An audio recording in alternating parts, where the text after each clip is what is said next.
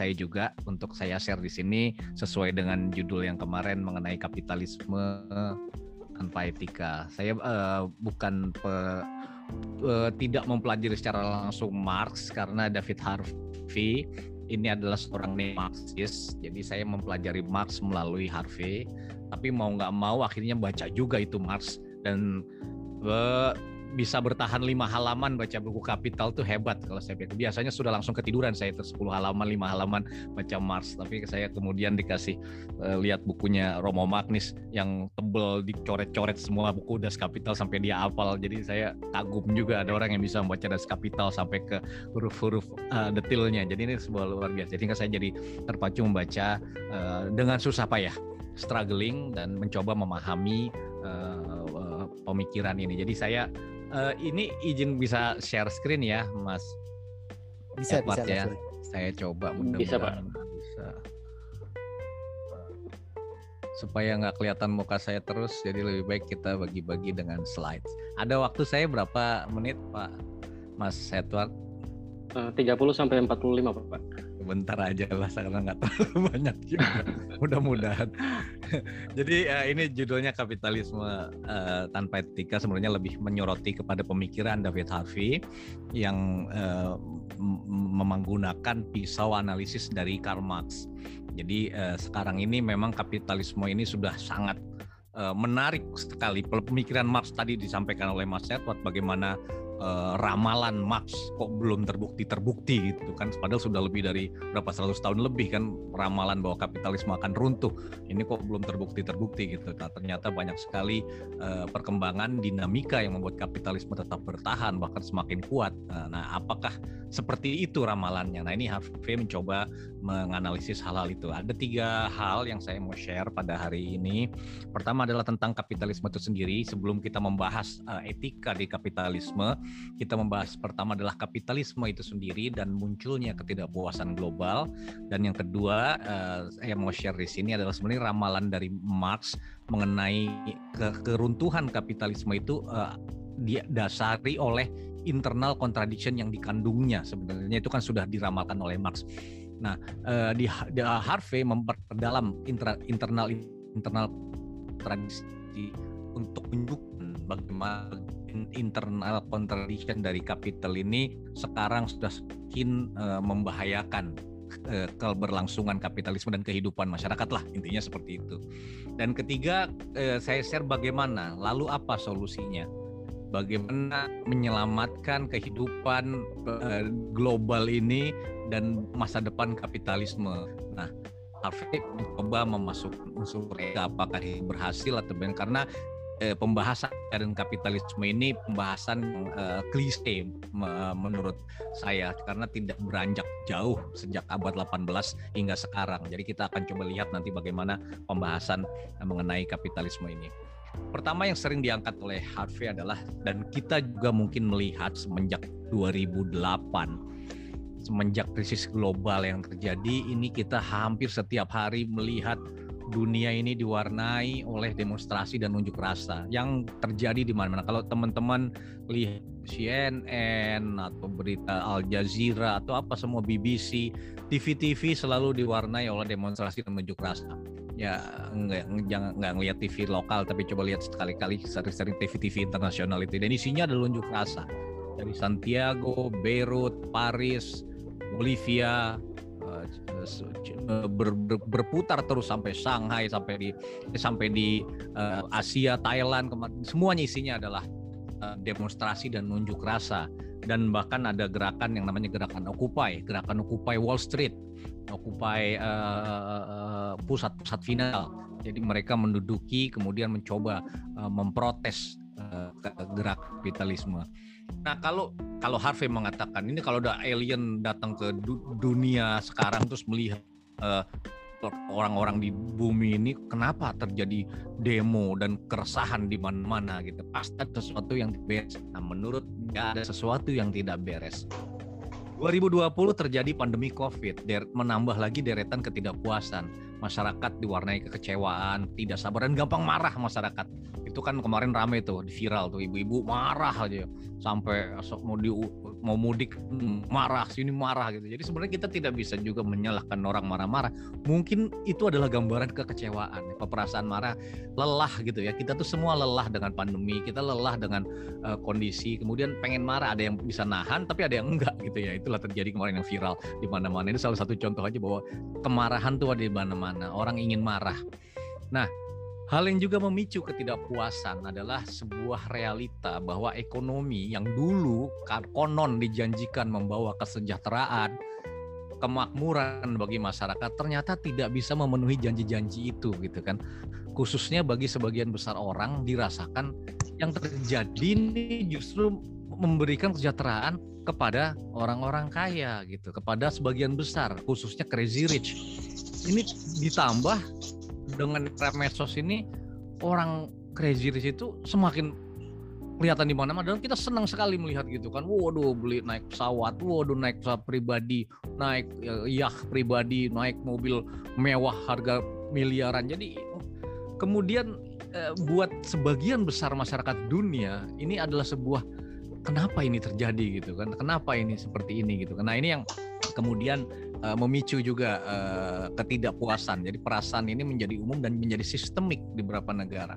Jadi kalau kita lihat awal mulanya biasanya demo-demo keresahan itu hal-hal sepele kan, naikkan harga transportasi, kenaikan harga makanan, perumahan muncul. Tapi kemudian menyebar. Dan kemudian dibumbui lagi oleh sosial media. Kita lihat ada Black Lives Matter kita kasus George Floyd. Semua itu adalah sebuah keresahan-keresahan yang kemudian berubah menjadi kerusuhan dan uh, diskonten ya ketidakpuasan di mana-mana. Nah, David Harvey ini uh, dia adalah seorang ilmuwan geografi yang juga seorang neomarxis yang tadi saya ceritakan melihat masalah utama dunia global saat ini ini adalah yang dia lihat akar root cause dari semua yang terjadi ini adalah ketimpangan yang tidak bisa ditolerir lagi serta masalah-masalah degradasi iklim lingkungan ini ada masalah mendasar. Jadi pendapat dia di, di banyak buku-buku dan publikasinya adalah akar masalah itu adalah kapitalisme sekarang ini termasuk di dalamnya salah satu cabang atau proyek dari kapitalisme yaitu neoliberalisme. Nah, hari ini uh, saya akan membahas masalah ini dari lensanya David Harvey ya. Jadi ini karena ini pembahasan filsafat akademis, uh, saya akan membawa dari tokoh ini David Harvey.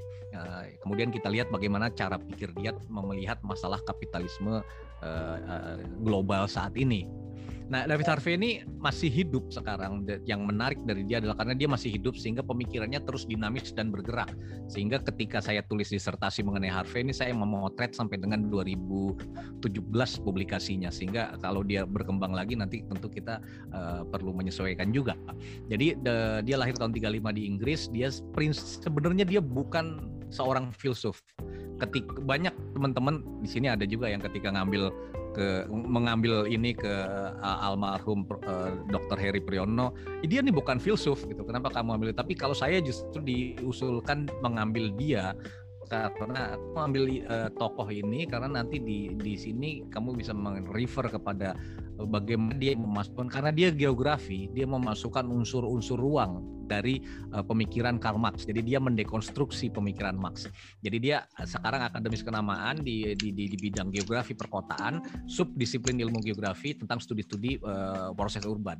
Nah, David Harvey ini mendalami pemikiran Karl Marx dan dengan latar belakang itu dia memahami perilaku modal dan kapitalisme yang menurutnya menyimpan permasalahan. Jadi yang dia gunakan adalah isu analisis Marx untuk membedah masalah-masalah tadi. Kapitalisme.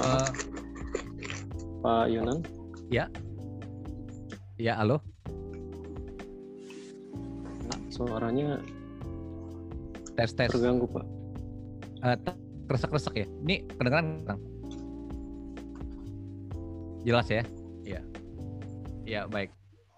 Jadi kemudian uh, dia juga mendirikan uh, Marx Project untuk menghidupkan uh, pemikiran Marx melalui YouTube dan juga podcast uh, Anti Kapitalis Chronicle. Jadi kalau uh, tadi kita kembali ke tadi, jadi pemikiran uh, dia mencoba melihat bahwa ketidakpuasan global yang terjadi di mana-mana ini akarnya adalah kapitalisme. Nah, situ dia ingin mencoba masuk membahas bagaimana kapitalisme itu sendiri menyebabkan diskonten secara global. Uh, Harvey mencoba mendekonstruksi pemikiran Marx. Uh, prinsipnya kapitalisme itu bergeraknya lah seperti ini. Ini saya sampaikan, tapi ini uh, penting sekali untuk kita memahami bagaimana kapitalisme itu uh, bergerak dan berputar. Jadi prinsip dasar kapitalisme itu adalah pertumbuhan dan akumulasi kekayaan. Nah, kalau kapitalis itu harus tumbuh terus intinya seperti itu dan Marx memulai ciri kalau uh, berita di, di, di kalau kita lihat di the, the capital capital uh, das capital uh, dia tidak memulai dari uh, class struggle dia tidak mulai dari uang dia memulainya dari commodities jadi kalau kita berangkat dari yang bawah itu commodities itu seorang kapitalis akan memulai harinya untuk uh, membuat membuat dia mendapatkan tenaga buruh kemudian alat uh, means of production, alat-alat faktor-faktor produksi untuk memproduksi komoditas uh, itu. Jadi dia memberi nilai lebih seperti dia membuat baju, dia membuat sepatu, dia membuat handphone, nah sehingga menjadi komoditi. Komoditi itu akan direalisasikan dalam bentuk uang kan nanti dia jual. Nah keuntungan sebagian dia buat pakai bayar wage uh, upah buruhnya untuk memperluas means of productionnya dibeli untuk memperbeli mesin baru, beli lahan baru dan kemudian sebagian uh, dia ambil untuk keuntungan. Jadi profit diambil profit dan juga dia untuk bayar pajak untuk uh, dan lain-lainnya gitu loh. Uh, dan uh, dia akan balik lagi uangnya itu akan kembali lagi untuk memulai lagi proses itu. Dan ini flow ini bergerak terus-menerus seperti uh, air yang dari laut kembali lagi ke laut. Value ini terus bergerak dan untuk menggerakkan ini membutuhkan consumer effective demand yang di atas itu dan demand itu harus digerakkan oleh keinginan kebutuhan dan desire. Jadi kapitalis harus menciptakan desire. Jadi bukan hanya kebutuhan keinginan kan. Jadi kalau ada handphone, kemudian layarnya ditambah eh, lebih tajam sebenarnya tak perlu gitu kan. Tapi harus di-create itu. Karena kalau enggak nanti selesai jadi nggak bisa kita hanya memproduksi barang selesai laku hari ini selesai. Tidak ada namanya low coercive competition yang membuat dia harus berkompetisi. Kalau nggak dia kembangkan, dia akan terhempas dari uh, perdagangan.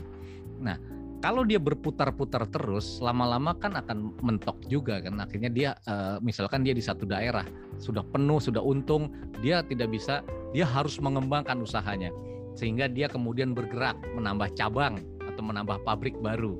Nah, uh, Marx meramalkan akan terjadi overproduction dan penindasan buruh di sini kan. Tetapi kemudian uh, ya uh, Harvey adalah unsur ruang sebenarnya dalam uh, Komunis Manifesto di tahun 1808, Marx dan Engels sudah mengungkapkan hal ini. Jadi untuk bisa bertumbuh, dia nggak bisa berhenti di satu tempat saja. Untuk berakumulasi, lama-lama saturated kan di satu daerah itu kan. Dia harus bergerak. Di sinilah kemudian kapitalis harus menguasai ruang. Jadi dia harus bergerak ke daerah-daerah lain untuk dapat terus tumbuh.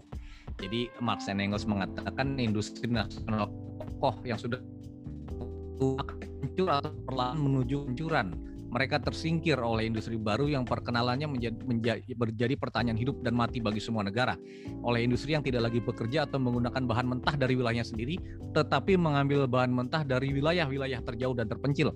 Industri yang produknya tidak hanya dikonsumsi di rumah, tetapi juga oleh setiap orang di berbagai pojok dunia.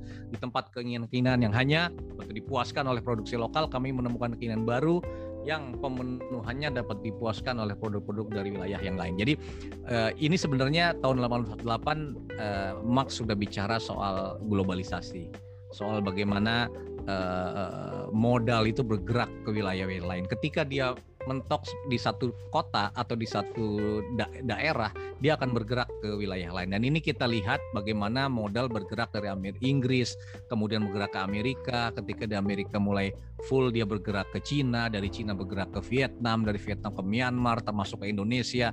Jadi produk-produk sekarang sudah tidak ada lagi yang dihasilkan dari satu tempat. Jadi namanya sekarang sudah ada ada global hub ya. Jadi uh, production hub yang terjadi dari berbagai daerah dan kita seperti kita juga ingin menjadi bagian dari global hub itu. Nah, problema dari akumulasi kapitalisme itu adalah uh, terjadinya konsentrasi kekayaan. Ini yang dan soroti oleh Harvey uh, dari diskonten tadi. Karena sifat dasar modal ini harus tumbuh dia nggak bisa berhenti. Kalau dia berhenti itu seperti darah yang berhenti kemudian terjadi stroke jangan gitu. Air berhenti kemudian terjadi genangan banjir. Harus berputar hingga uh, pengejaran keuntungan atau profit making itu menjadi keutamaan dalam dalam kapitalisme dan adanya coercive flow of competition memaksa para kapitalis ini untuk terus tumbuh. Nah, Harvey menyoroti adanya pertumbuhan berlipat ganda setiap 25 tahun. Jadi setiap 25 tahun tuh ukuran ekonomi global itu bertambah dua kali lipat. 50 ekonomi global itu sekitar 4 triliun dolar AS di tahun 2000 sudah mencapai 40 triliun dolar. Dan saat ini mencapai sekitar 80 triliun. Ini uh, ukuran ekonomi global. Dan uang segitu banyak tuh mau ke mana gitu kan? Dia harus berputar. Dan ketika dia mentok di satu tempat dia berputar. Dia bisa berpindah ke tempat lain gitu. Nah ini kemudian uh, sifat inilah mengibatkan uh, karena putarannya tadi menjadi tidak seimbang terjadilah the rich one percent gitu. Ini ini saya ambil dari uh, Google. Satu persen menguasai segitu banyak ke, ke, ke keuntungan sehingga yang the remaining 90% itu hanya sisa-sisanya aja remah-remah rengginang lah istilahnya. Dan ini perparah lagi pada tahun 80 oleh munculnya eh, neoliberalisme. Jadi eh, ini supaya nggak rancu karena kadang orang banyak menyama banyak uh, men mencampur adukan neolib dan kapital. Karena ini ada sebuah hal yang berbeda. Neoliberalisme itu oh, kapit orang kapitalis atau kapitalisme itu belum tentu neolib gitu loh. Jadi uh, jadi bisa jadi satu negara itu kapitalis tapi dia tidak tidak harus neolib gitu. tapi kalau neolib itu mungkin ya dia kapit ya most likely pasti kapitalis gitu kan. Neolib ini menurut Harvey adalah sebuah kelas project. Jadi dia sebuah proyek kelas yang tujuannya adalah mengakumulasi kekayaan dan kekuasaan secara terus-menerus dalam sekelompok elit kelas. Nah, inti dari uh, neolib ini adalah uh, keuntungan itu difokuskan pada satu kelas tertentu lah, seperti itulah. Nah, dia berusaha meminimalkan bahkan kalau bisa mengeluarkan peran pemerintah dalam ekonomi dan mewujudkan apa yang namanya free market ini ini ini ini da, da, di buku neoliberalisme David Harvey saya rasa ini salah satu referensi yang sangat baik kalau ingin mempelajari uh, dari pengan Nah, langkah awal Neolib adalah menaklukkan kekuatan serikat buruh dan merekonfigurasi situasi politik dengan melemahkan peran buruh ya. Jadi hal ini dilakukan pada tahun 80-an kalau kita lihat tahun 70-an eh, bagaimana eh, peran buruh. Serikat buruh itu kan dari tahun 45, 50 sampai 70 itu kan kuat kan awal-awal kan sejarahnya kan seperti itu kan. Eh, memiliki kekuatan lah. Dan kemudian terjadilah stagnasi ekonomi di tahun 80 muncullah Thatcher dan Reagan yang punya sebuah ide ini nggak bisa ekonomi seperti ini kalau mau maju harus dilemahkan ini serikat buruh gitu. Jadi terjadilah kerusuhan di mana-mana pada waktu itu. Dan setelah 10 tahun tahun 90 serikat buruh ini terberhasil dilemahkan. Dan berbagai kekuatan-kekuatan negara yang mengatur perusahaan-perusahaan jadi peran negara itu mulai berkurang sehingga pasar bebas lah yang lebih diutamakan. Cara berpikir kaum neolib ini adalah individualism, jadi tanggung jawab personal dan upaya self improvement gitu. Jadi artinya kalau kamu sukses, maju, eh, ingin maju, ya maju investasi pada diri sendiri gitu loh. Kalau miskin itu ya salah kamu gitu loh, karena kamu eh, nggak invest pada. Jadi eh, bukan salah sistem, pokoknya salahmu. Jadi intinya membangun individualisme dan ini pola pikir ini bekerja sangat baik untuk kaum kaya, khususnya ultra rich. Karena mereka memiliki lingkungan dan edukasi yang baik. Jadi kalau Bill Gates gitu ya, Bill Gates itu lahir di Silicon Valley, dia dokter paling apa daerah wilayah itu wilayah PhD paling tinggi di dunia gitu kan. Kemudian walaupun dia nggak lulus sekolah tapi terus dia membuat di garasi. Nah tapi gimana kalau Bill Gates lahir di rumah yang nggak ada garasinya gitu kan? Jadi nggak nggak bisa berkreat apa-apa gitu kan. Tapi belum tentu Bill Gates kalau lahir di mana lah. Eh, di di Kemayoran atau di mana eh, belum tentu gitu kan. Nah, jadi memang eh, ketika dia memiliki lingkungan dan edukasi yang baik, ini dia lebih menguntungkan. Sehingga meninggalkan akhirnya ini meninggalkan jurang yang semakin lebar dan terjadilah krisis global di tahun 2007-2008 yang memukul krisis 2007-2008 ini memukul kapitalisme dengan sangat keras, khususnya neolib.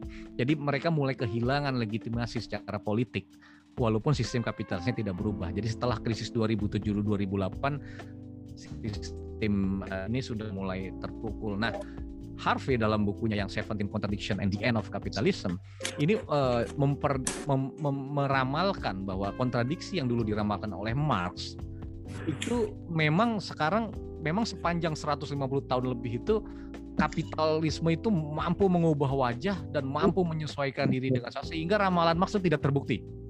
Tetapi yang dia katakan adalah sekarang ini kontradiksi itu semakin runcing dan semakin tajam dan kita nggak tahu seberapa lama lagi the center can hold karena tadi di awal uh, saya sampaikan terjadinya keresahan global di mana-mana, terjadinya kerusuhan di mana-mana. Ini sampai seberapa lama the center can hold dan ini sudah tidak bisa ditolerir menurut dia begitulah. Jadi uh, memang di satu sisi dia punya sisi negatif memang kan krisis krisis yang berulang-ulang sejak tahun dari kalau kita lihat sejarah krisis dari tahun misalkan dari 30 eh, sampai 70 dan dari 70 sekarang itu semakin sering sekarang krisis. Dulu tuh bisa puluhan tahun krisis terjadi. Sekarang beberapa tahun krisis lagi, krisis lagi gitu kan. Jadi kapitalisme itu telah menyebabkan periode-periode krisis yang semakin sering terjadi baik lokal hingga global gitu kan. Kapitalisme juga memicu perang, degradasi lingkungan, punahnya habitat, kemiskinan di kaum populasi eh, kaum borjuis, ketimpangan, neokolonialisme dan eh, masalah-masalah kesehatan, alienasi, ketidakamanan, kejahatan dan lain-lain. Tetapi di sisi positif, kita tidak bisa menafikan juga beberapa dari kita ini menikmati standar kehidupan ya belum pernah setinggi ini. Komunikasi, perjalanan sudah dapat revolusi, ditemukan teknologi digital, jarak dekat, penyebab teknologi, bahkan Zoom kita malam ini pun adalah buah dari kapitalisme. Jadi kapitalisme telah menyumbang banyak penyembuhan medis, biomedis, bertambahnya usia harapan hidup, kota-kota baru dibangun. Jadi ini memang sebuah kontradiksi. Nah, eh, Harvey mengidentifikasi ada 17 kontradiksi. Jadi di buku ini uh, saya mungkin nggak akan membahas uh, uh, secara detail mengenai buku ini, tapi secara garis besar uh, dia membagi ada tiga kontradiksi uh, yang fundamental, yang moving contradiction dan dangerous contradiction. Nah, kontradiksi ini dia konstruksi dekonstruksi dari pemikiran Marx yang kemudian dari situ uh, dia lihat uh, sudah semakin uh, parah lah intinya. Jadi misalkan kontradiksi use value dan exchange value ini sudah dikenal, sudah di uh, sudah ada sejak zaman uh, contoh use value dan exchange value itu uh, use value itu adalah nilai guna suatu komoditas, exchange value adalah nilai pertukaran gitu kan. Jadi ketika kita membeli rumah zaman nenek kakek kita mungkin dulu rumah itu nilai gunanya sangat banyak yang lebih uh, dia bisa sebagai uh, tempat membesarkan keluarga, tempat di mana hati kita ada di sana, tempat uh, berlindung, tempat uh, uh, apa uh, heritage, misalkan arsitektur. Jadi banyak sekali nilai-nilai guna yang uh, dipakai di rumah, tetapi juga ada nilai tukar. Nilai tukar, nilai guna itu banyak, nilai tukar itu hanya satu dalam satuan dolar, dalam satuan rupiah, euro, nah itu nilai tukar. Nah, di awal komoditas nilai guna ini harus lebih dulu gitu loh. Jadi kalau zaman kakek kita dulu bangun rumah di desa tuh semua gotong royong gitu kan. Paling hanya butuh makan dan biaya-biaya seperlunya gitu kan. Tetapi sekarang nilai guna itu semakin tergerus digantikan oleh nilai tukarnya. Jadi kalau beli rumah yang dilihat pertama adalah seberapa uh, bisa dipertukarkan lah inilah. Jadi uh, harganya berapa, daerahnya di mana dan rumah yang awalnya hanya uh, yang awalnya digunakan sebagai tempat berlindung, tempat membangun keluarga, sekarang sudah menjadi tempat spekulatif, sudah ada bandar-bandar spekulan. Rumah kan sekarang kan properti dan semakin besar. Dan puncaknya adalah ketika krisis uh, 2007-2008 ketika uh, subprime mortgage rumah itu nilai yang dijual adalah nilai pertukarannya sudah kita sudah tidak tahu lagi uh, harga rumahnya itu rumahnya tuh ada siapa. Karena yang dijual itu adalah uh, surat-surat sampah kan. Sehingga ketika orang-orang yang membeli rumah itu dia uang utangnya dia lebih jauh lebih besar dari nilai rumahnya itu. Jadi kemudian terjadilah krisis 2007 2008 nah ini yang menyebabkan tadi terjadinya problem-problem dalam kapital uh, kapitalisme dari kontradiksi dari satu kontradiksi dasar tadi. Kemudian uh, uang nilai sosial tenaga kerja dan representasi dengan uang, bagaimana uang itu uang itu kalau bagi Marx adalah representasi atas sesuatu kan. Sekarang sudah tercerabut. Dia tidak merepresentasikan munculnya uang digital kayak Bitcoin, Ethereum semua itu entah dari mana dia mewakili apa representasi kita sudah nggak tahu lagi. Jadi dia nilai mencari nilainya sendiri lah seperti itu ini uh, agak mengerikan ketika dia semakin jauh dari bentuk-bentuk asing. Jadi kalau emas masih jelas ada komunitasnya. Uh, uang fiat pun uh, memang dia menurut uh, Marx itu adalah uh, uang uh, dia merepresentasi dia dia kan mau representasikan dari sebuah uh, nilai kan. Tetapi ada uh, otoritas yang mengatur itu gitu kan. Ada bank sentral yang mengatur itu sehingga ada aturan yang menjaga itu. Nah kalau uang-uang digital ini memang belum ada ya. Dan uh, terus kemudian uh, beberapa kontradiksi di sini uh, banyak uh, dan uh, nah, mungkin nanti sambil diskusi aja. Tapi yang paling uh, berbahaya adalah yang terus menerus componentless growth itu terus kemudian bagaimana alienasi universal terjadi. Jadi kita semakin teralienasi dari pekerjaan kita gitu. Kita orang teralienasi dari kehidupannya. Jadi sekarang ini orang kerja capek tapi nggak tahu ngapain sih gue seharian.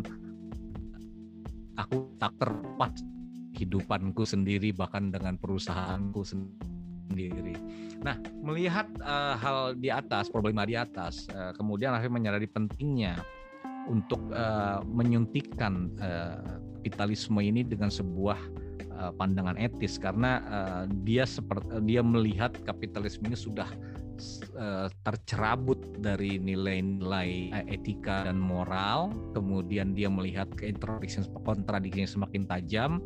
Uh, aspek etis ini harus dipikirkan oleh para kapitalis jadi dari kumpulan buku-bukunya itu uh, dari mulai terbentuknya perkotaan, kinerja kapitalisme, aspek spasial, Harvey memang melihat bahwa aspek keadilan sosial ini nggak pernah dibahas dalam satu kesatuan analisis ilmu.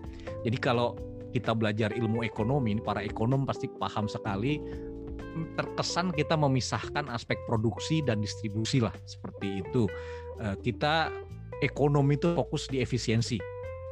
Masalah etika tuh wes nantilah nanti malah kelamaan kita ngomongin etika. Nanti nggak maju-maju gitu loh. Jadi kita produksi bagaimana bisa mendorong pertumbuhan bisa menginikan ekonomi bisa memberikan keuntungan bagi perusahaan seperti itulah kira-kira para kapitalis.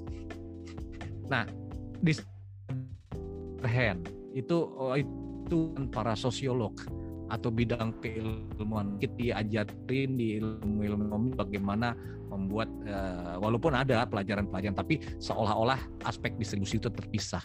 Nah, Harvey menyatukan kedua uh, produksi dan distribusi ini dalam suatu uh, jembatan yaitu ruang karena keduanya itu tersambung kepada keberadaan ruang dalam hal ini perkotaan-perkotaan yang terjadi kan. Jadi urusan keadilan sosial dan tumbuhnya suatu kota yang muncul akibat uh, kontradiksi kapital itu akan tersambung antara produksi dan distribusi.